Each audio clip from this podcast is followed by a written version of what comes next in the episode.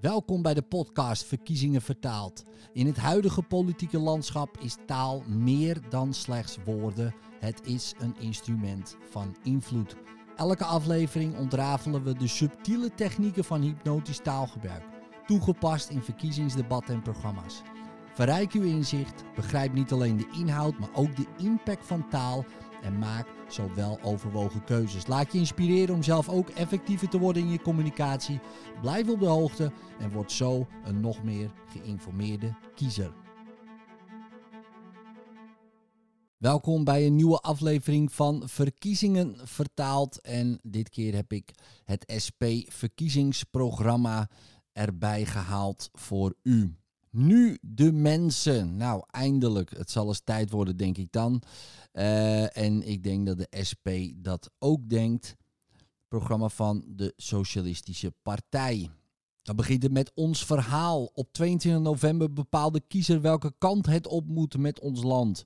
In verkiezingstijd gaat het vaak over personen, wie het meest populair is. Verkiezingen zouden echter moeten gaan over de koers van het land, waar we naartoe willen. Nou, uh, dat is een interessante zin. Op 22 november bepaalt de kiezer welke kant het op moet met ons land. Precies, hè? dus dat, uh, bepaal, dat bepaalt de kiezer. Maar welke kant ons land op gaat, dat bepaalt de kiezer blijkbaar niet. Wel welke kant het op zou moeten, of moet zelfs. Maar gaat, ja, dat staat er dus niet bij. Nou, verder is het inleiding voornamelijk over armoede en rijkdom en vooral de kloof daartussen. Nou, daar zit natuurlijk wat in. Er zijn veel mensen die leven onder de armoedegrens. En uh, in de quote 500 uh, zijn alle mensen weer rijker geworden. Dus dat is uiteraard een punt voor SP. Na vier kabinetten Rutte is voor veel mensen het vertrouwen in de politiek, in de overheid en in de bestuurders verloren gegaan. Analyses van problemen werden niet gemaakt. Ze werden simpelweg ontkend en weggelachen of domweg in de doofpot gestopt. De liegende premier heeft ons land veel schade berokkend en een en al beschadigde bestuurscultuur nog extra verziekt. Kijk, dit zijn, dit zijn zinnen, dames en heren. De liegende premier heeft ons land veel schade berokkend. Ja, en ja, het omgekeerde zou ook uh, waar kunnen zijn uh, voor sommige mensen. Dat de liegende premier, uh, ja, dat het in heeft ons land heel veel, voor ons land heel veel betekent. Zou ook kunnen. Maar het ligt maar net vanuit welk standpunt je natuurlijk de dingen bekijkt. En als je het bekijkt vanuit de SP, ja, dan is er natuurlijk heel veel verziekt. En uiteraard hè, mensen die liegen uh, en je komt erachter, ja, dan is het vertrouwen ook weg. Want zo is het natuurlijk ook weer. Is de politiek nog vertrouwen? Nederland is veel te lang gerund als een bedrijf. En mensen zijn te veel gezien als klanten.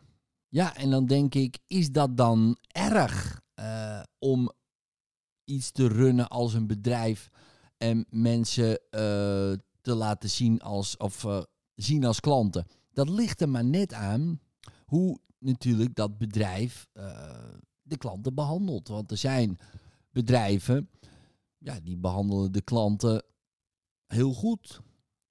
En er zijn bedrijven die behandelen de klanten heel slecht. Ja, en dat staat er dan niet bij. Want ik denk, ja, uh, er zijn bedrijven die hebben klantenservice uh, heel hoog in het vaandel staan. Wij doen ook ons best om, om een goede service te bieden aan klanten. En ik weet van bedrijven die gaan daar dan nog een stap verder in.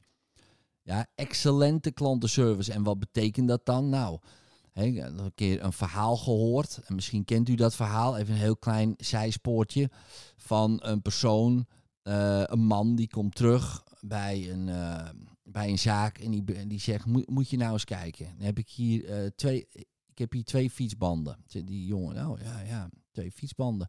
Ja, moet je nou eens kijken. Ik heb ze vijf maanden geleden gekocht. En ze zijn nu al uh, bijna versleten. Zeg, dat kan toch niet? Hoeveel denk je dat wij fietsen? Nou, die jongen zegt, weet je niet, nou, wij fietsen bijna niet. En ze zijn nou al versleten.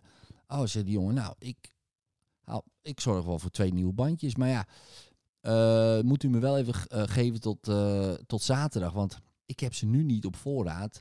Uh, dan komt zaterdag, oh, ze, ze die man, nou, nou geweldig, ja, wauw, wat een service. Dus die man komt zaterdag terug. Hij zegt, ja, sorry, het spijt me verschrikkelijk. Zegt die jonge, zegt die jonge man van de zaak. Wat dan? Ja, mijn vrouw die had ze gekocht, die bandjes. En ik dacht dat ze ze hier had gekocht, maar ja, dat heeft ze dus niet. Nee, zegt die jongen, dat, dat, dat wist ik al. Hoe bedoelt u dat wist u al? Nou ja, wij verkopen helemaal geen fietsbanden. U verkoopt geen fietsbanden, maar u heeft wel twee fietsbanden nu. Ja, ja, die, daarom zei ik dat ik tot zaterdag nodig heb, want wij hebben helemaal geen fietsbanden. Zegt die man, hè? En u geeft mij dan gewoon die fietsbanden? Ja, want dat is onze policy. Wij houden van klanten met problemen. En we vinden het niets is leuker om klanten te helpen die een probleem hebben. En dat hebben we met elkaar afgesproken uh, in de zaak. Dat als een klant komt met een probleem, dan helpen we ze. En leggen we later wel uit uh, of het ons probleem was. Dat is makkelijker. Dus hier heeft u uw bandjes. Hij zegt, ja, maar ik wil die bandjes niet. Nou, ik raak ze nu niet kwijt. dus neem die bandjes maar mee. Ja, dus um, stel je voor, Nederland wordt zo gerund als dat bedrijf. Hoe zou dat zijn? Nou, dan denk ik top. Um, maar goed, dus ik denk niet dat dat verkeerd is. Want dat is ook weer uh, een perceptie. En als je klant bent van zo'n bedrijf, ja, dan, dan zit je gewoon goed en voel je je ook, ook prima. Maar goed, dat was even een heel klein zijpaadje wat mij dan weer triggerde. Ik ga even het verhaal overslaan onze standpunt en ideeën. En dan ga ik heel even kijken naar bepaalde punten die ik. Dan ga ik kijken naar een paar punten. Dan zie ik hier staan een in de inhoud een democratisch land, een eerlijk land, een schoon land, een zorgzaam land, een werkend land, een lerend land, een land om te wonen, een veilig land, een solidair land, een soeverein land. Die vind ik ook wel interessant. Um, ik ga even kijken. Een eerlijk land, zorgzaam land, lerend en land om te wonen. Dus dat is 2, 4, 6 en 7, dames en heren. Dus daar gaan we even naartoe. Dan beginnen wij bij een eerlijk land. Zonder werkende mensen is er geen winst. Niet alleen bestuurders en aandeelhouders, maar ook alle medewerkers krijgen voortaan recht op een deel van de winst. Zo profiteren alle werknemers collectief op het moment dat dividend wordt uitgekeerd aan aandeelhouders. Werknemers krijgen meer te zeggen. Bij bedrijven met commissarissen kiezen werknemers de ene helft, de andere helft van de commissarissen wordt gekozen door de aandeelhouders. Aha, uh, maar dan vraag ik me toch serieus af, hoe ga je dat doen? Kennen die werknemers die commissarissen wel? Dat ten eerste, hebben zij daar inzicht op? Zijn ze wel capabel genoeg om dan zo'n commissaris te kiezen? Ja, geen idee. En wie, wie gaat dat dan doen? Alle werknemers? Stel, stelt u voor, u heeft uh, een, een, bedrijf met duizend werknemers, misschien wel twintigduizend werknemers. Gaan die dan allemaal stemmen? Nou, ik vind dat heel interessant. Ook grote bedrijven gaan bijdragen aan onze samenleving en eerlijk belasting betalen. Nou, ik moet toch toegeven dat ik dat een geweldig punt vind. Ik snap ook wel. Uh, kijk, de regels uh, zijn de regels en de wet is de wet, uh, zou u kunnen zeggen. En ja, als, als een multinational het voor elkaar krijgt, of Google of wie dan ook, om maar 1% belasting te betalen, dan is dat hun goed recht in de zin van het kan en het mag, blijkbaar. Maar ja, als u zelf dan natuurlijk 25% moet betalen hè, vanuit uw uh, besloten vennootschap. Um, of uw inkomstenbelasting is hoger dan 50%.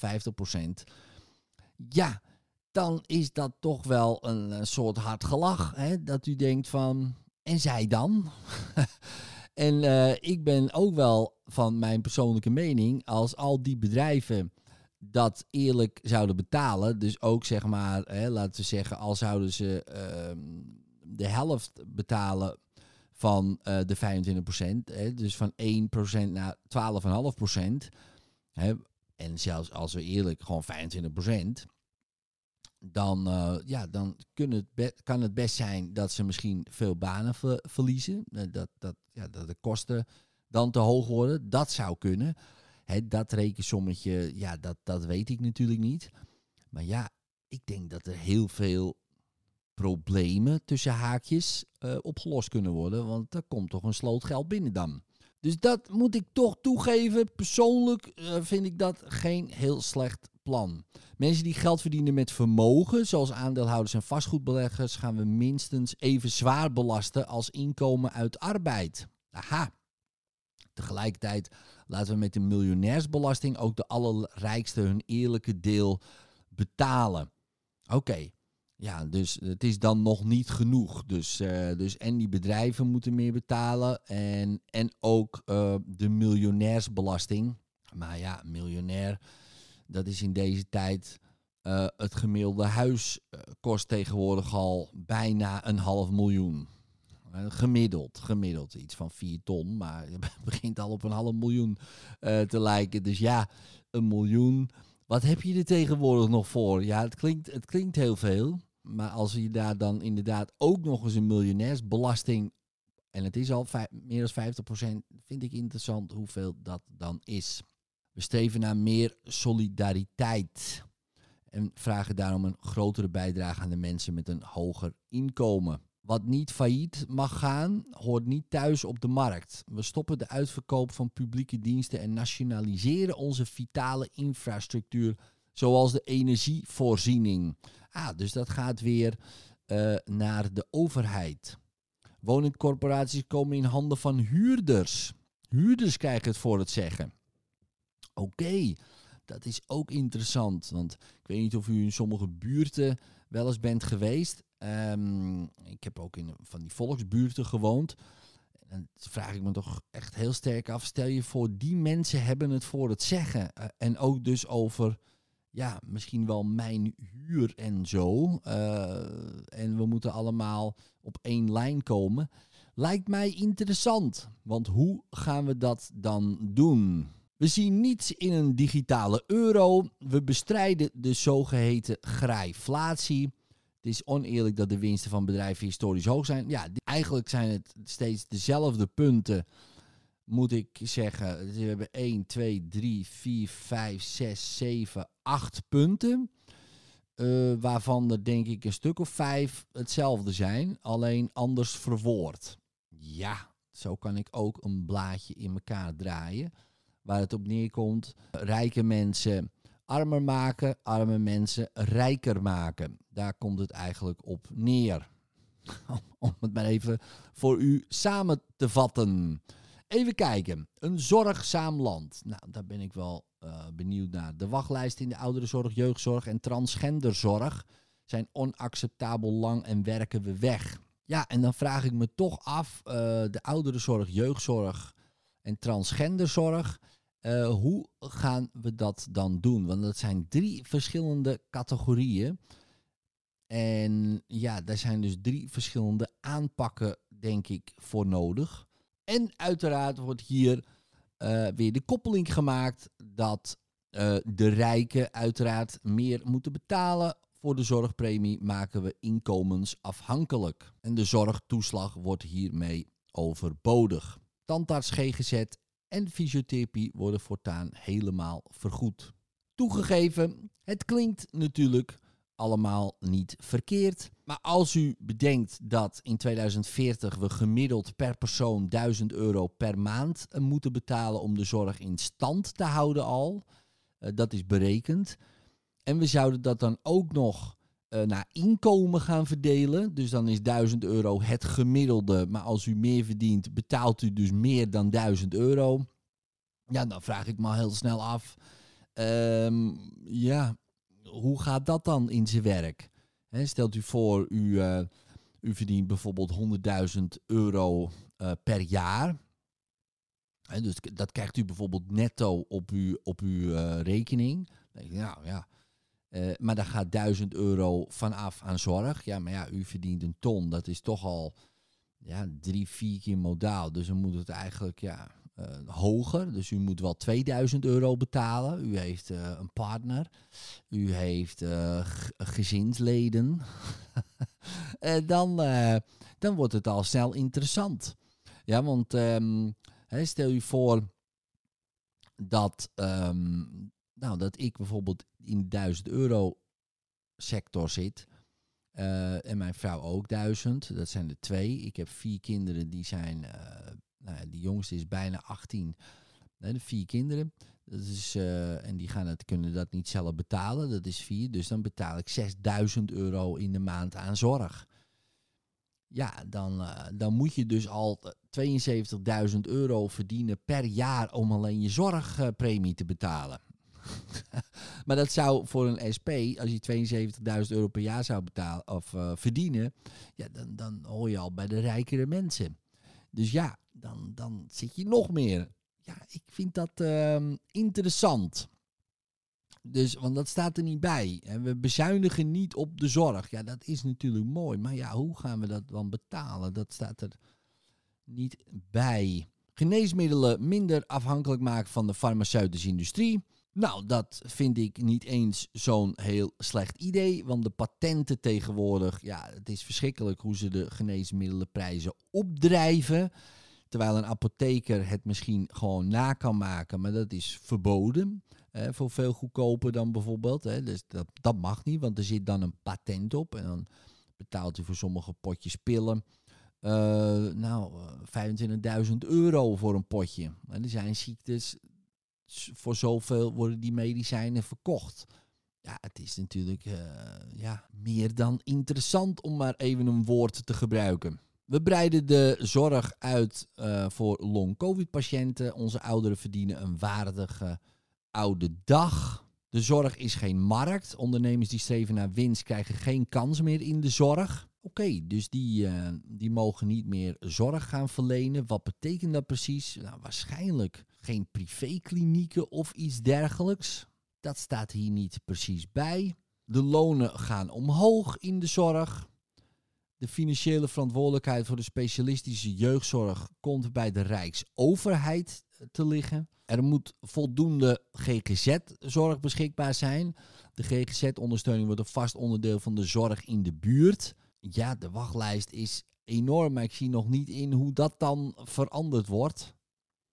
Oh, er staat hier de wachtlijsten dringen we terug door voldoende opnameplaatsen en ambulante behandelplaatsen in iedere regio met voldoende en goed geschoold personeel. Ja, waar halen we die vandaan? Dames en heren, waar halen we die mensen vandaan? Want die zijn er niet zo heel veel. Dus dat betekent dat we die mensen moeten inspireren om dat te gaan leren. U kunt natuurlijk altijd bij ons een goede opleiding volgen, zeg ik maar even. Uh, in een heel klein reclameblokje. Um, hè, want wij leiden ook mensen op die dat zouden kunnen doen. Maar goed, daar gaat dit waarschijnlijk niet over. Dus ik ben daar wel nieuwsgierig naar. Goed, even kijken. Dan gaan we naar onderwijs, oftewel een lerend land. Er is groeiend tekort aan leraren. Het vak van leerkracht maken wij daarom veel aantrekkelijker. Docenten krijgen een hoger salaris. Uh, lonen worden landelijk uitbetaald. Ik weet niet precies wat dat betekent. Maar goed, we voeren een kleine klassenstrijd. Maximaal 23 kinderen te beginnen op scholen met veel kinderen uit armere gezinnen. Elk kind verdient gelijke kansen. Scholen mogen kinderen niet meer uitsluiten door een hoge ouderbijdrage. Niet particuliere instituten, maar scholen zelf gaan leerlingen die dat nodig hebben hulp aanbieden. Dus particulier onderwijs leggen we daarom aan banden. Oh, dat vind ik ook interessant. Want ja, ik vraag me af waarom je dat zou doen. Ik snap dat ene, snap ik wel. Uh, dat scholen zelf die leerlingen dingen gaan aanbieden. Maar ja, als u naar iets anders wil, waarom zou dat niet mogen? Maar goed, leggen we aan banden. Ja, dat vraag ik me af wat dat dan betekent. Het passend onderwijs heeft niet opgeleverd wat werd beloofd en moet op de schop. Nou, dat had ik u ook wel kunnen vertellen dat dat niet zou werken. Uh, en ik denk, iedere ouder had u kunnen vertellen dat dat niet zou werken. um, maar soms heb ik wel het idee dat het uh, onderwijs wordt bedacht door mensen die geen kinderen hebben. Um, en ook niet allerlei verschillende kinderen. Het is heel lastig voor iemand om te leren. Mijn zoon heeft in een klas gezeten met, uh, daar zaten iets meer dan twintig kinderen in, waarvan een kwart aan de medicijnen zat. In, dat begon in groep vijf of zes. Toen kreeg de eerste medicijnen, uh, groep vijf denk ik, groep zes kwamen daar nog weer twee bij. En op een gegeven moment in groep acht waren er vijf. Uh, die medicijnen slikten en een aparte behandeling uh, dus eigenlijk nodig hadden. En ook eisten vanuit hun kind zijn, zeg maar. Ja, ik heb ADHD of ja, nee, ik heb de Ja, nou, ik moet nu naar huis, zoiets. Um, en het interessante was dat die andere kinderen, maar ook mijn zoon, dat na ging doen. Dat gedrag. Want ik dacht, ja, die mogen eerder naar huis, dus ik wil dat ook. En dan moet u voorstellen dat een bijna kwart van de klas aan de medicijnen zat. En dus speciale behandeling nodig hadden. Uh, en die kinderen die ja, niet goed tegen de drukte konden hè, van die kinderen, uh, die kregen dan een koptelefoon op. Dan hoor je niks. En dacht ik, interessant. Dit is dus passend onderwijs. We proberen iedereen erin te passen. Maar ja, wat is het? Uh, um, wat gebeurt er dan? Nou ja, ik heb het gezien. Ja, dat, dat werkt niet. Maar ik denk dat iedere ouder dat wel had uh, kunnen bedenken. Maar nieuwe scholen voor speciaal onderwijs worden mogelijk gemaakt. En alle kinderen krijgen een leerrecht. Nou, dat is mooi. Sport verbroedert, brengt mensen samen en is gezond. We willen meer gymlessen en sportbeoefening op school. Onder leiding van vakleerkrachten. Ook zwemveiligheid moet meer prioriteit krijgen. Sport heeft ook een voorbeeldfunctie. Misstanden worden krachtig bestreden, zoals racisme op en langs het veld, gebruik van doping of seksueel misbruik. Nou, dat is natuurlijk heel goed dat dat bestreden wordt. En ook meer sport ben ik ook voor. Veel jongeren leren beter op een echte werkplek dan in een klaslokaal. We geven het MBO daarom alle ruimte voor goede beroepsopleidingen. We maken het aantrekkelijk om een leven lang bijscholingen te volgen, bij voorkeur aan een MBO, hogeschool of universiteit. Iedereen die dat wil en kan, moet zonder belemmeringen en zonder zichzelf in de schulden te steken kunnen studeren. Nou, dat is natuurlijk een hele mooie zin. Iedereen die dat wil, moet en kan zonder belemmeringen. Nou, dat is natuurlijk geweldig. Maar ja, wie gaat dat betalen? Dat vraag ik mij dan steeds af. En er staat er opeens een kopje die ik niet helemaal begrijp. Maar ja, um, we staan voor de onafhankelijkheid van media. Bedreiging van journalisten accepteren we niet. Dat staat dan onder het kopje van onderwijs, maar, of leren Nederland, vind ik een interessante. Um, in een beschaafd land hoeven kunstenaars niet in armoede te leven. Oh, oké, oké. We leggen dat vast in de wet. We lanceren een investeringsfonds om kunst en cultuur te ondersteunen. Oké, dus uh, je krijgt dan, uh, oh ja, wat, wat gebeurt er dan? We krijg, krijg je dan een uitkering of krijg je dan, dat is wel interessant. Dus dan kan ik ook uh, kunstenaar zijn. Ja, want en kunst is heel moeilijk te toetsen wat wel of geen kunst is. Want ja, ik begrijp heel veel kunst namelijk niet, dames en heren. U, u misschien wel, ehm, of u misschien ook niet. Ja, en dan is het voor mij toch heel moeilijk dan vast te stellen, bent u een kunstenaar of bent u een prutser? Um, maar, want soms denk ik, ja, dat, dat kan iedereen wel. Uh, maar goed, dan is dat kunst. Dat geeft niet, dat is prima. Maar wat ik doe is ook kunst. Ik help mensen met problemen in een, in een gesprek ervan af. Dat is een kunstvorm ja, krijg ik dat dan ook gewoon uh, vergoed uit een potje. En als iemand zegt, ja, maar ik vind het geen kunst. Nou, probeer het maar eens te doen. Dat is een kunst. Ja, nou ja dat is, ik vind dat heel abstract. Dus ik ben benieuwd hoe dat dan zou gaan. We gaan verder naar een land om te wonen. Een land om te wonen. We maken een einde aan de woningnood. Nou, geweldig. Maar hoe precies? We maken een nationaal bouwplan Nou, oké. Maar ja, plannen wil nog niet zeggen dat het dan ook wordt gedaan. Dat, dat weet u zelf denk ik ook wel van allerlei plannen die u wel eens heeft gemaakt. Speculanten en investeerders die volkshuisvesting blijven zien als een middel om rijk te worden, pakken we harder aan. Oké, nou hoe gaan we dat dan doen en wie gaat dan investeren in die volkshuisvesting? De overheid of wij met belastingen? Oké, want het moet dan misschien toch ergens vandaan komen, denk ik. Gemeenten krijgen meer mogelijkheden om vastgoedbazen te onteigenen bij langdurige leegstand. Het interessante is, want je kan zien als een middel om rijk te worden. Dat is natuurlijk een, een interessante zinsconstructie. Want als er zou staan een middel om hun pensioen vast uh, te stellen, dan is het opeens weer anders.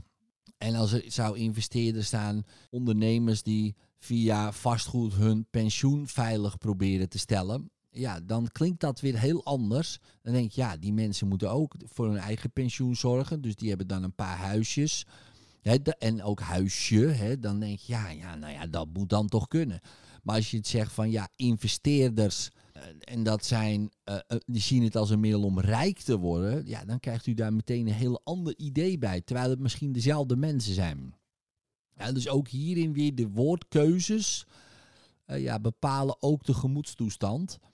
En u moet altijd denken, ja, wat betekent dat dan precies? En is er geen, zouden er ook andere woordkeuzes mogelijk zijn? En dat is eigenlijk altijd wel zo. Er is altijd wel ergens een andere woord te bedenken. Maar dat, dat wekt natuurlijk een bepaalde emotie op en een bepaalde gemoedstoestand daarbij. Ieder mens heeft recht op een betaalbaar huis. Ieder mens, iedereen, altijd. En wat betekent dan betaalbaar? Ja, dat zijn altijd interessante vragen um, die er kunnen worden gesteld dan. Nou, hier weer hetzelfde punt, maar nu als punt. Uh, want eerst stond het ergens nog in een ander punt, maar nu komt er een punt. Huizen zijn er voor mensen om in te wonen en niet voor huisjesmelkers of speculanten om rijk mee te worden. Het beleggen in vastgoed pakken we aan door een woonplicht in te voeren bij alle woningen, zodat je ook echt in een huis moet gaan wonen en hogere overdrachtsbelasting vanaf het tweede huis. Mede door speculatie met grondprijzen is de grond veel te duur geworden. Ja, nou, en wie, um, dus, dus deze huisjesmelkers of speculanten, ja, en ik heb dat in een ander uh, programma ook al gezegd. Ja, nou, prima om dat aan te pakken, maar er staat niet bij grote corporaties die heel veel huizen opkopen. He, dus uh, die, die zijn er ook en ik noem het maar weer even, BlackRock bijvoorbeeld, die gewoon honderden huizen hier in beheer heeft. Dat staat er dan weer niet bij. Ja, dus um, hier staat huisjesmelkers of speculanten om rijk mee te worden. En, en ja, die scheren ze allemaal over één kam. En dat vind ik dan interessant. Maar goed, uh, prima. Hè, dat is het punt van de SP. Die hypotheekrenteaftrek moet het zijn om een huis te kunnen kopen en moet niet een villa-subsidie zijn voor de rijken. Voor huizen met een aankoopwaarde tot de nationale hypotheekgarantie, momenteel 405.000 euro, laten wij alles hetzelfde. Zodat het kopen van een woning om zelf in te wonen aantrekkelijk blijft en de kosten voor het merendeel van de bevolking niet zullen stijgen. Daarom schaffen we deze renteaftrek af. Ja, dus boven de 405.000 euro dus dit is de gemiddelde woningprijs ongeveer. Um, ja, schaffen we de hypotheekrente af. Nou, dan wens ik u heel veel succes als u uh, bij mij in de buurt woont. Want uh, ja, dan, um, dan kun, ja, dat is interessant. Want er zijn nog zat huizen te vinden uh, onder de 400.000. Maar vele, vele malen meer dan uh, boven de 405.000. Dus ja, dat is uh, interessant. Natuurlijk zal dat in andere steden en dorpen anders zijn, absoluut. Maar bij mij in de buurt, in Zaanstad woon ik, dat kunt u denk ik ook wel horen. Is het toch de prijzen de laatste tijd toch wel aardig gestegen. En ik denk dat u dat ook wel herkent. Oh, en dit vind ik een interessant iets van de socialistische partij, deze zin. Wij gaan met een oorlogsaanpak de energierekening van huishoudens structureel verlagen. En dan, dan geeft hij ook weer associaties bij een oorlogsaanpak. Ik denk, hoe gaan we dat doen? Dit doen we met een isoleringsoffensief. Een aanval. En ook weer hier is een legerterm hè, gebruikt. Een isoleringsoffensief. En dan krijgt u allemaal beelden bij. Dan komen de, dan komen de mensen in van die groene pakken. Die komen opeens uw huis binnen. En die knallen allerlei isolatiemateriaal in uw huis. Ja, als offensief. Ja, u kunt daar niks aan doen, want die, die komen gewoon binnen. Het collectief plaatsen van zonnepanelen op huurwoningen. Kijken wat daar voor woord wordt gebruikt. En beter onderhoud van woningen. Nou, het was meer de eerste paar zinnen. Daarna uh, is het weer een soort van andere en normalere woorden. Maar ik vond het begin wel heel uh, veelbelovend. Maar daarna hebben ze dat toch losgelaten. Dus denk ik, ja, we moeten niet te veel in de legerstand gaan, denk ik. We gaan de gedupeerden in Groningen helpen. Nou, dat uh, lijkt mij een prima idee. Er staat hier ook bij, de overheid heeft ruim 400 miljard euro verdiend aan de gaswinning. Nou, dat, je zou denken, ja, maar dat is natuurlijk ook boerenkoolgedachte, hè, een boerenkoolberekening, dat daar best wel uh, wat naar die mensen kan gaan uh, als compensatie. Hè. Er is volgens mij geld, maar ja, misschien is dat al lang alweer op, dat, dat weet ik natuurlijk niet. Um, want ja, dat is toch wel een interessant punt en dat bent u denk ik wel eens, dat als wij als heel land geholpen worden door de gaswinning, ja, want uh, ja, laten we eerlijk zijn, dat is, een, uh, dat is voor ons ja, geweldig geweest. Hè. We moeten nu allemaal van het gas af. Hè. Maar stel u voor, ja, het zou blijven. Ja, dat gas is natuurlijk geweldig. Alleen ja, om dat helemaal weg te trekken, ja, dan stort een deel, heel, uh, deel van Groningen in elkaar. Ja, en dat, en dat kan dus niet. Of ja, je moet met die mensen goede afspraken maken. Zeg, nou ja, weet je, voor iedere zoveel, uh, voor iedere miljard krijgt u uh, zoveel per huishouden erbij. Ja, en, en, dat is dan dus maal 400 dan. Ja, en dan is het misschien nog dat mensen denken, ja, ja, nou, dan, dan, dan blijf ik wonen. En ik gun het de Nederlanders, ehm, want ja, ik verdien er ook aan. Ja, dat zouden best wel goede afspraken kunnen zijn geweest. He, want ik snap, stelt u voor, het is bij uw tuin. Er zit een oliebron en mensen komen binnen. Ja, we onteigenen u, we trekken die olie eruit. En, uh, of we trekken gewoon die olie eruit. Um, en uw hele huis stort in elkaar. Ja, pech joh, dan had je maar niet op een oliebron moeten wonen. aan de andere kant had u er schat hemeltje rijk van kunnen worden. Bijvoorbeeld. En dat niet alleen heel veel mensen ermee kunnen helpen. Um, maar goed, dat is een goed idee. Alleen, ja, hoe gaan we dat dan doen? Dat, ja, daar staat hier de overheid stopt met het wantrouwen. Oké, en gaat gedupeerden direct helpen. We stoppen met wantrouwen. Oké, ja, we vertrouwen u. Oké, en wat gaan we dan doen? Goed, dat staat er niet bij. Even kijken. Uh, dan gaan we door naar een volgend punt. Even nog kijken naar uh, een soeverein land. Die vond ik ook wel interessant. We steunen de Oekraïners in de verdediging van hun land. Onze diplomatieke inzet zal erop gericht zijn zo snel mogelijk tot vrede te kunnen komen. Oké, dus dat is grappig. Bij een soeverein land beginnen we met uh, een diplomatieke inzet voor een ander land. Oké, dat, is, dat is interessant. We zijn voor internationale samenwerking. De NAVO moet niet meer uitbreiden en ook niet opereren als een agressieve interventiemacht. We hervormen onze krijgsmacht. Ah, dit uh, gaat over ons land. Naast de verdediging van het eigen land kan die ook worden ingezet voor vredestaken die worden uitgevoerd op basis van een VN-mandaat. Verbod op kernwapens op Nederlands grondgebied is dan ook geen plek voor kernwapens. De euro is op termijn onhoudbaar omdat de economieën van Euroland te veel van elkaar verschillen. Oké, dus ja, wat gaan we dan doen? Dus we starten daarom onderhandelingen over ordentelijke ontvlechting en treffen voorbereidingen voor alternatieven die beter zijn voor alle economieën van de aangesloten landen. We bouwen aan een coalitie van EU-lidstaten Die willen onderhandelen over een nieuw Europees verdrag. Oké. Ze gaan de boer op met andere partijen. Ja, ik dacht dit, dit gaat over een soeverein land. Maar ja, daar heb je andere landen natuurlijk dan blijkbaar voor nodig. We willen samenwerken in Europa. Maar we willen geen beleid opgelegd krijgen door ongekozen ambtenaren uit Brussel. Oké, dus hoe gaan we dan samenwerken? Uh, nou ja, ik kan altijd Zoom-call uh, doen.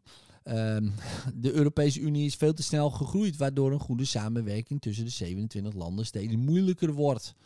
Oké, dus ja, we willen samenwerking, maar wordt ook steeds moeilijker. 27, dat zijn best veel, veel uh, leden natuurlijk. En uh, verdere uitbreiding is dan ook niet mogelijk. Nee, nee, dat, uh, dat kan niet. Al dus SP. De Europese Unie kan geen handelsverdragen meer sluiten zonder toestemming van de parlementen van de lidstaten. Oké, ja, maar 27 toestemmingen, dat is toch bijna niet te doen. Is dat dan unaniem? Is dat dan in een meerderheid? Dat staat er niet bij. Uh, zijn dat alle lidstaten die dan toestemming moeten geven? Ja, dan komt er denk ik geen enkel verdrag meer door, dames en heren. Schat ik in. Want heeft u wel eens met uw familie op een verjaardag proberen ergens uit te komen waar iedereen het unaniem mee eens is? Nou, als u een familie heeft van vijf mensen, zes mensen, zeven mensen, gaat nog 27, wordt interessant. U komt er meestal wel uit. Meestal wel, maar ook niet altijd. En dat is dan gewoon uw familie.